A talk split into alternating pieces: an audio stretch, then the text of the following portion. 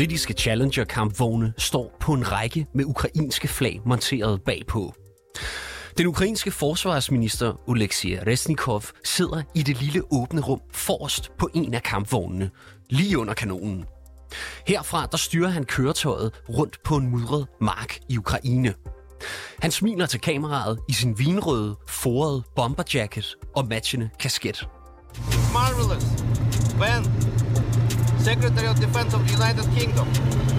It's a very good stuff. Thank you very much from Ukraine to United Kingdom. Forsvarsministeren han giver en thumbs up, og så fortsætter prøvekørselen sammen med fire ukrainske soldater. Du lytter til konfliktzonen, hvor vi i dag skal se på kampvogne. De avancerede, længe ventede kampvogne er nemlig netop ankommet til Ukraine. Kampvogne, som er blevet doneret af Vesten og har været længe ventet. Vi spørger, hvad de kan, og hvilken forskel de kan gøre i krigen. Mit navn er Mads Vesterager. Velkommen til Konfliktzonen.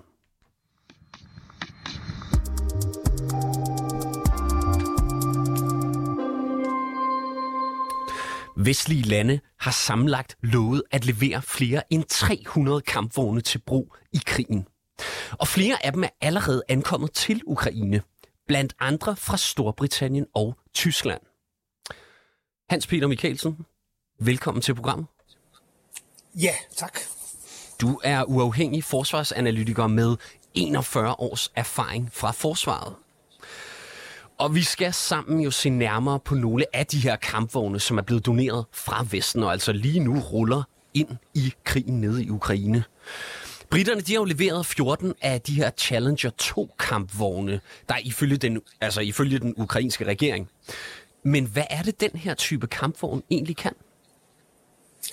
Ja, både Challenger 2 og øh, Leopard 2, og der har været tale om, altså Leopard det er jo den tysk produceret, som den danske her også bruger, og der er rigtig mange øh, NATO-lande, som anvender. Øh, og også i de tilfælde, at der er en amerik- øh, amerikansk øh, øh, kampvogne.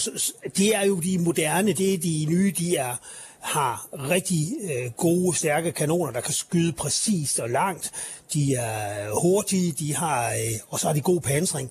Øh, så det er nogle moderne kampvogne, der har rigtig slagkraft. Øh, og, og det er noget af det, som jo øh, den ukrainske her har efterspurgt. Noget, der virkelig kan, kan slå hårdt, og noget, som er bedre end det, øh, den, den øh, ukrainske her jo har anvendt. Det er jo tidligere sovjetproduceret øh, kampvogne, er sådan øh, ikke er rigtig nyere dato til 72 og sådan noget, men de har også mange år på banen.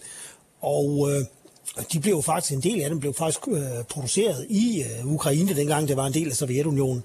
Så, så det at, de, at få øh, moderne øh, vestlige, øh, kan vi sige, øh, kampvogne fra den øverste hylde, øh, det betyder noget, både rent militært, men det betyder også noget psykologisk for den ukrainske her. Øh, og, og så kommer nemlig det, som vi, du nævnte med, jamen op til 300, det er ikke kun kampvogne, det er også kampkøretøjer, infanteri kampkøretøjer og andre ting. Og det kan vi så komme tilbage til, hvordan indsætter man alt det her sammenhæng, som, så man kan måske skabe et gennembrud på fronten. Og øh, hvad er egentlig forskellen på Challenger 2 og de her Leopard 2 kampvogne? Ja, det er, det er ikke den helt øh, store forskel. Så skal man være kampvognsnørd, og det er jeg, det er jeg så ikke.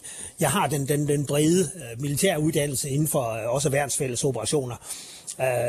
Så kan vi sige, det vigtigste er jo, at, at det er Øh, præcise kanoner, der kan skyde langt, øh, der kan ramme fjenden i, i forhåbentlig i første skud, at du kan også skyde, mens du kører. Det har vi set billeder af, hvordan Leopard øh, jo øh, har... Øh, kanonen nivellerer, så den hele tiden har fat i mål, selvom øh, kampvognen kører hen igennem terrænet. Så det gør, at du har stor ildkraft, og du har så god, øh, rigtig god pansring. Øh, og det er, det er spydspidsen, når du taler herreoperationer. Det er dem, der ligesom kan slå igennem. Men så skal du have noget at følge op med, altså soldater, infanteri, køretøj og andet, så du også, hvis du laver et gennembrud i sådan en frontlinje, så du også kan befæste det terræn, du så øh, du erobrer. Og vi ved jo, at det her det er nogle meget teknologisk sofistikerede kampvogne, der bliver sendt afsted.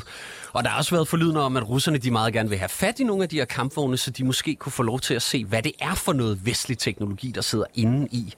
Men øh, hvor meget har man altså ifølge dig, Hans Peter Mikkelsen, øh, måtte ændre på de her kampvogne, for at de kunne indgå i det ukrainske forsvar?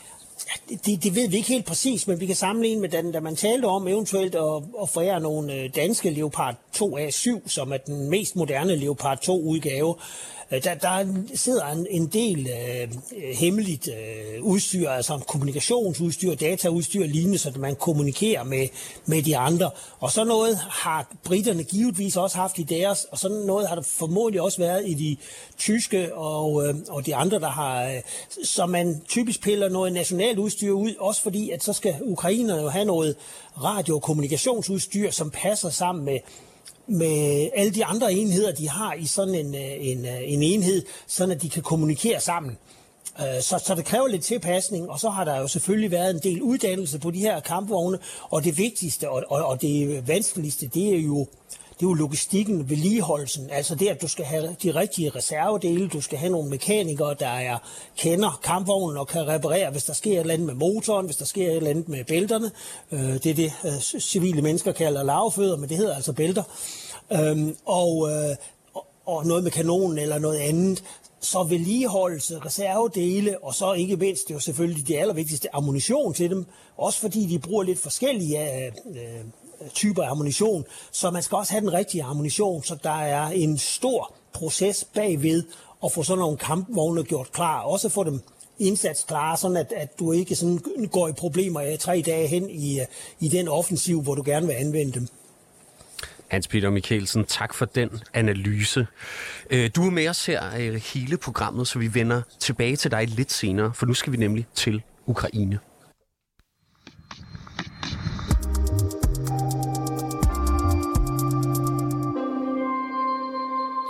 For nu skal vi høre fra dig, Stefan Weikart. Velkommen til. Mange tak skal du have.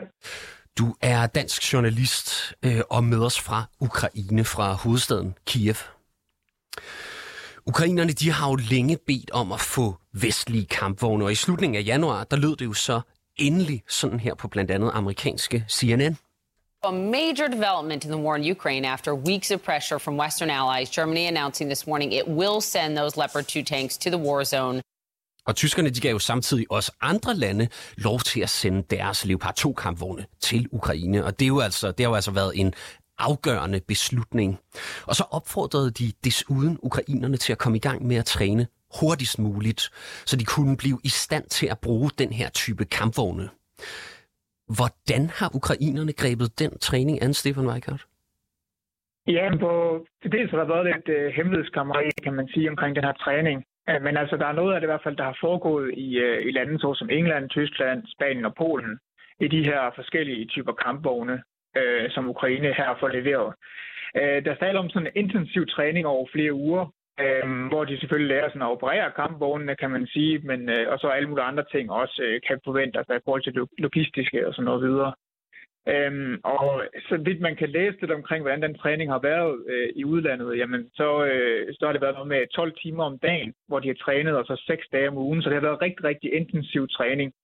Øhm, og hvorvidt der har foregået noget træning også efterfølgende i Ukraine, er lidt, er lidt svært at sige, fordi i Ukraine er sådan ret meget hemmelighed omkring, hvordan det her træning øh, foregår. Øh, og præcis på, hvor, hvor hen i Ukraine og, og så videre. Og det er selvfølgelig åbenlyst grund. Jamen altså, de har jo kun haft omkring to måneder til at blive klar til at modtage de her kampvogne. Og som du selv siger, tre ugers intensiv træning. Altså, er det nok?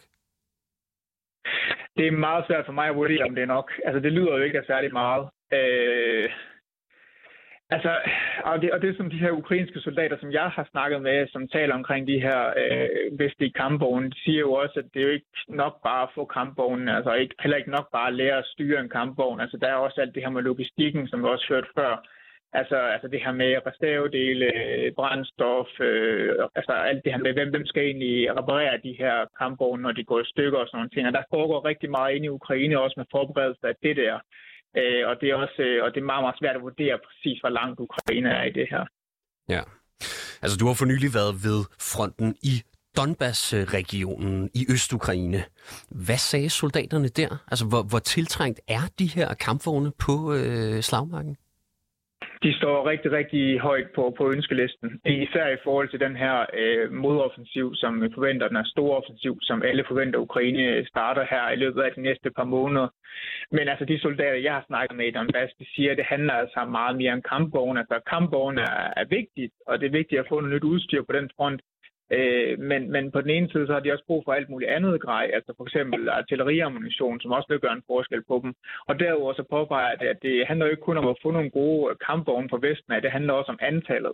Altså, at, som en soldat sagde til mig, at, at det kan godt være, at russerne de kører gamle, øh, gamle kampvogne ind nu, altså noget tilbage fra 60'erne af for eksempel.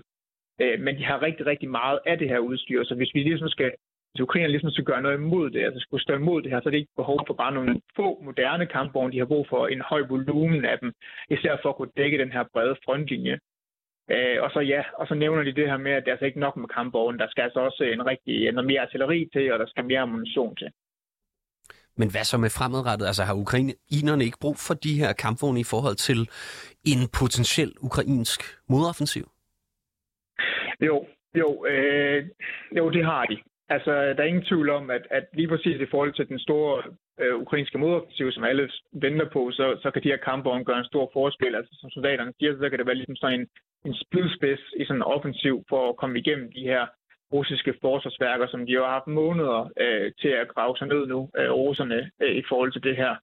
Øhm, og, og, og lige nu, der, altså jeg vil sige, Øh, de øh, ukrainske soldater, jeg møder i Øst-Ukraine her sidste gang, jeg var på tur, altså der er moralen ikke sindssygt høj. Altså på grund af, at kampen er så hård omkring øh, Bakhmut for eksempel, øh, hvor Ukraine også lider store tab, jamen så er der...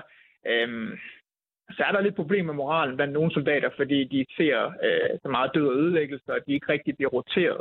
Men det er lige præcis det her drømmen om den her store ukrainske modoffensiv er noget, som, som holder modet op på de her soldater. Og der peger alle på, at de her kampvogne er ekstremt vigtige øh, for, at Ukraine kan, kan måske få succes med det. Og, og det er virkelig vigtigt for de soldater, jeg snakker med, at der er lidt mere er lys for enden af tunnelen, kan man sige. Men altså, er det her antal af kampvogne, er det så nok, kan man sige, i øh, ukrainerne og de ukrainske soldaters øjne? Altså, er de tilfredse med den her kampvognsleverance fra Vesten? Mm, både, både ja og nej. Altså officielt så vil de jo sige, at de, at de er glade. Altså når man hører fra de ukrainske myndigheder og sådan noget, så, så bliver det talt op. Øh, soldaterne, øh, som jeg snakker med, siger, at, at, at for eksempel, at, at Storbritannien sætter, sender 14 Challenger-kampvogne, øh, det, det er nødvendigvis ikke ikke nok i sig selv, og heller ikke nok, at, at Spanien sender øh, 10 øh, Leopard 2-kampvogne, for eksempel. Det er heller ikke nok. Så isoleret set er de lidt skeptiske i forhold til antallet, men, men de, de håber lidt på, at, at det her det er begyndelsen, og, og så kommer der en masse flere kampvogne løbende i løbet af året, og så vil det på et tidspunkt øh, gøre en forskel. Men, men det generelt set er det også svært, fordi de soldater, som jeg snakker med, har, har selvfølgelig ikke overblik over præcis, hvad der sker sådan i det store billede, og vi ved ikke præcis, hvor mange kampvogne, der nødvendigvis er kommet, og mange øh, altså kampvogne, Ukraine selv har tilbage, altså det, man kan sige, der er tilbage fra, fra Sovjetunionen af, for eksempel. Så det er svært ligesom at vurdere billedet øh, 100%, og det er det også for de soldater, jeg snakker med. Men, men der er generelt glæde øh, i forhold til at modtage de her kampvogne, øh, men der er en skeptisk i forhold til, om det er nok, i hvert fald det antal, som er leveret på nuværende tidspunkt. Stefan Weikart, mange tak, fordi du var med her i dag. Selv tak. Altså dansk journalist i Ukraine.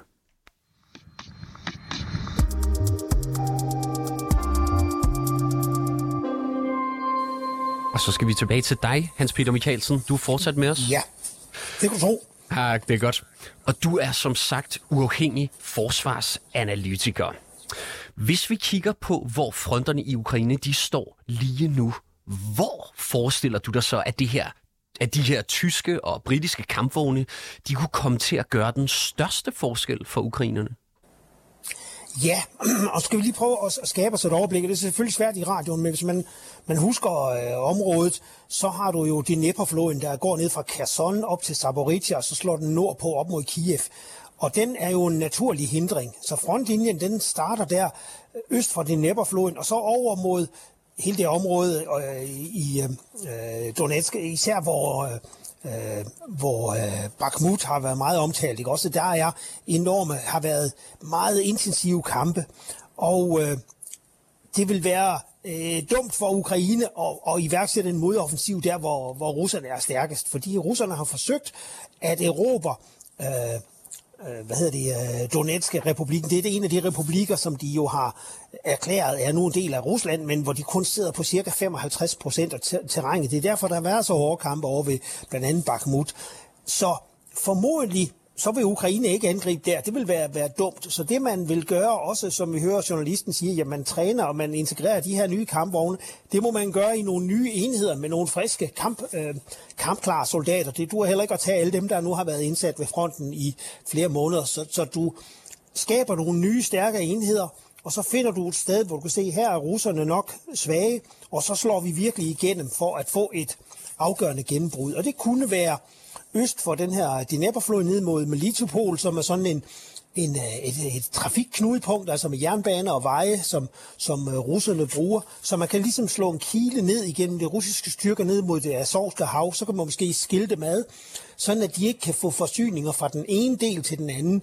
Det, var sådan, det er sådan en manøvre, der virkelig kan give øh, Ukraine et overtag på, på kamppladsen, fordi man er nødt til at slå frem meget hårdt. Altså, man plejer at sige på øh, især for herren, jamen du skal, du skal lægge tyngde med din øh, indsats, og virkelig kan slå igennem. Det nytter ikke, at du spreder det ud over en stor front, og så kun vinder en lille smule. Så du skal virkelig lægge tyngde, så du kan slå igennem. Vi så det sidste efterår, hvor øh, man øh, ero, tilbage erobrede området ned hvor Kherson, og russerne også troede, de kom kraftigt der. Så havde russerne udtyndet deres øh, tropper over ved Kharkiv med få tropper og, og øh, meget nye uerfarne, og så slog øh, Ukraine til over i det område, så de der russiske tropper flygtede over hals og hoved, og det er jo sådan noget, man skal, man skal gøre for virkelig at få et gennembrud, så man kan få generobret noget af terrænet. Så, så det er min vurdering, at man vil prøve dernede sydpå at finde et sted, hvor russerne er svagest, og så slå til med stor styrke.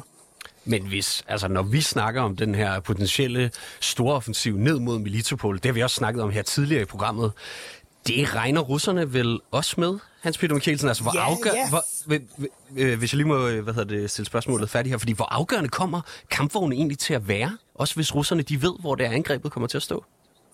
Ja, det man gør jo, hvis, øh, når man øh, nu for, har øh, Europa sådan noget terræn, det er, at man forsøger at befæste og lave nogle forsvarsstillinger og lignende. Og øh, så, så det er klart, at fordi her operationer, landoperationer, der spiller terrænet jo en stor afgørende rolle. Man, man kan ikke bare angribe hen over den der Dnepr-floden, er sådan visse steder på, på bredde med Limfjorden. Det er altså ikke noget, du kan bare lige bygge en bro eller sende nogle færger henover. Det, det, det dur ikke, vel? Så, så terrænet afgør, hvor man kan øh, lave sådan en øh, manøvre. Og øh, ja, så kommer spørgsmålet, hvor om Ukraine kan se, jamen hvor er russerne stærkest, hvor har de befæstet godt, hvor har vi nogle muligheder. Øh, men det er rigtigt, der er ikke så mange alternativer, hvis man skal den vej, øh, end, end at prøve øh, på det øh, område der. Og, øh, øh men, men jeg tror heller ikke, det sker endnu, fordi hvis vi nu ser vejret herhjemme, og vi har set øh, billeder fra Ukraine, så er det nogenlunde det samme. Altså, det er øh, regnfuldt, og det er pløret, og man skal helst have tørre marker og lignende, så du kan rigtig udfolde din kampkraft. Du, det kan ikke noget, noget, du kører alle dine kampvogne og kampkøretøjer af en vej øh, på rette række. Du skal kunne udfolde din kampkraft over sådan et større område, og så virkelig trænge frem med artilleri, forberedelse, øh, ødelægge fjer, øh, russernes øh, forsvarsstillinger og lignende, og så slå hul, og så komme igennem. Så jeg vurderer, at, at øh, ukrainerne stadigvæk vil bruge den næste måske øh, måned til to på at forberede det her, og så når både terrænet og alt er på plads, så slår de til. Og altså regeringen i Kiev, de forhandler angiveligt også med den tyske våbenproducent Rheinmetall om en kampvognsfabrik i Ukraine. Altså det vil være en fabrik, som kunne producere op til 400 moderne Panther KF-51 kampvogne om året. Men virker det overhovedet realistisk? Det kan det meget vel være, men så taler vi om, om noget år ude i fremtiden. Vi ved godt, at man opfører øh, ikke en ny fabrik på en formiddag. Og selvom man skulle have en bygning, så skal der materiel og, øh, og arbejdere, og der skal uddannes og maskiner og så videre. Men man skal jo også se på, at der er også en periode efter den her krig, øh, hvor øh, der måske kommer en eller anden løsning, eller en våbenhvile, eller noget andet, hvor Ukraine får behov for øh, også at have nogle... Øh, øh, en her og noget materiel fremadrettet for, for øh, den russiske ambition vil formodentlig ikke forsvinde selv ved en våbenhvile eller en, en midlertidig øh, fredslutning, fredsslutning, eller hvad vi nu kan se ind i. Øh, og, og det er også i, i det lys, man skal se, jamen så skal de jo have noget til deres forsvar senere hen. Og det er også i det lys, man, øh, man kan se noget, om det har været tale om kampfly. Jamen, det kan godt være, at det er smart at vente med nogle af de her F-16, hvad man taler om, til at opbygge et nyt øh, ukrainsk øh, luftvåben på den, på den lange bane, fordi det er noget, der tager lang, lang tid at få sådan nogle øh, klargjort, altså få dem øh, øh, ukrainerne uddannet osv. Og nu nævner du netop øh, kampflyene der, og det tænkte jeg også, vi lige skulle nå her til slut i programmet. Fordi øh, altså, det er jo også noget, der står meget højt på Zelenskis ønskeliste, altså at få kampfly til Ukraine som en del måske af offensiv og også andre militære operationer. Polen de har allerede leveret fire af slagsen, og øh, flere NATO, NATO-lande de overvejer også, om de skal følge efter. Tror du, at ukrainerne de kommer til at få, få flere kampfly? Jeg tror, de får flere af de her MiG-29, som både Polen og Slovakiet og nogle af de tidligere Varsjavepagt-lande altså, stadigvæk har i, i øh, beholdningen fra, fra den tid, øh, fordi de er umiddelbart nemme at anvende for de ukrainske øh, luftvåben. Men taler vi F-16 og andre vestlige kampfly, så tager det altså bare op til et halvt år at uddanne og træne både piloter, men også øh, teknikere og lignende, og det er væsentligt mere kompliceret end at, at vedligeholde kampvogne, og det tager længere tid. Så det er ikke noget, der vil kunne, på nogen måde kunne få en effekt før vi ser sidst på året, hvis der man begynder at, at, at tage de beslutninger om at gøre det nu. Øh, og så, øh, så det, det kommer nok på et tidspunkt, men, men ikke lige nu. Og, og øh, ukrainerne må simpelthen klare sig med, med støtten, den luftstøtte til, til de her landoperationer af deres egne øh, MiG-29 og andre fly, de har, og så dem, de får fra Polen og Slovakiet. Og der formoder jeg også, at det vil, det vil være ganske udmærket for dem for, til at lave den nødvendige luftstøtte øh, til den offensiv, som de gerne vil lave. Hans Peter Mikkelsen, mange tak for din medvirken her i dag. Det var så lidt. Altså selvstændig militæranalytiker.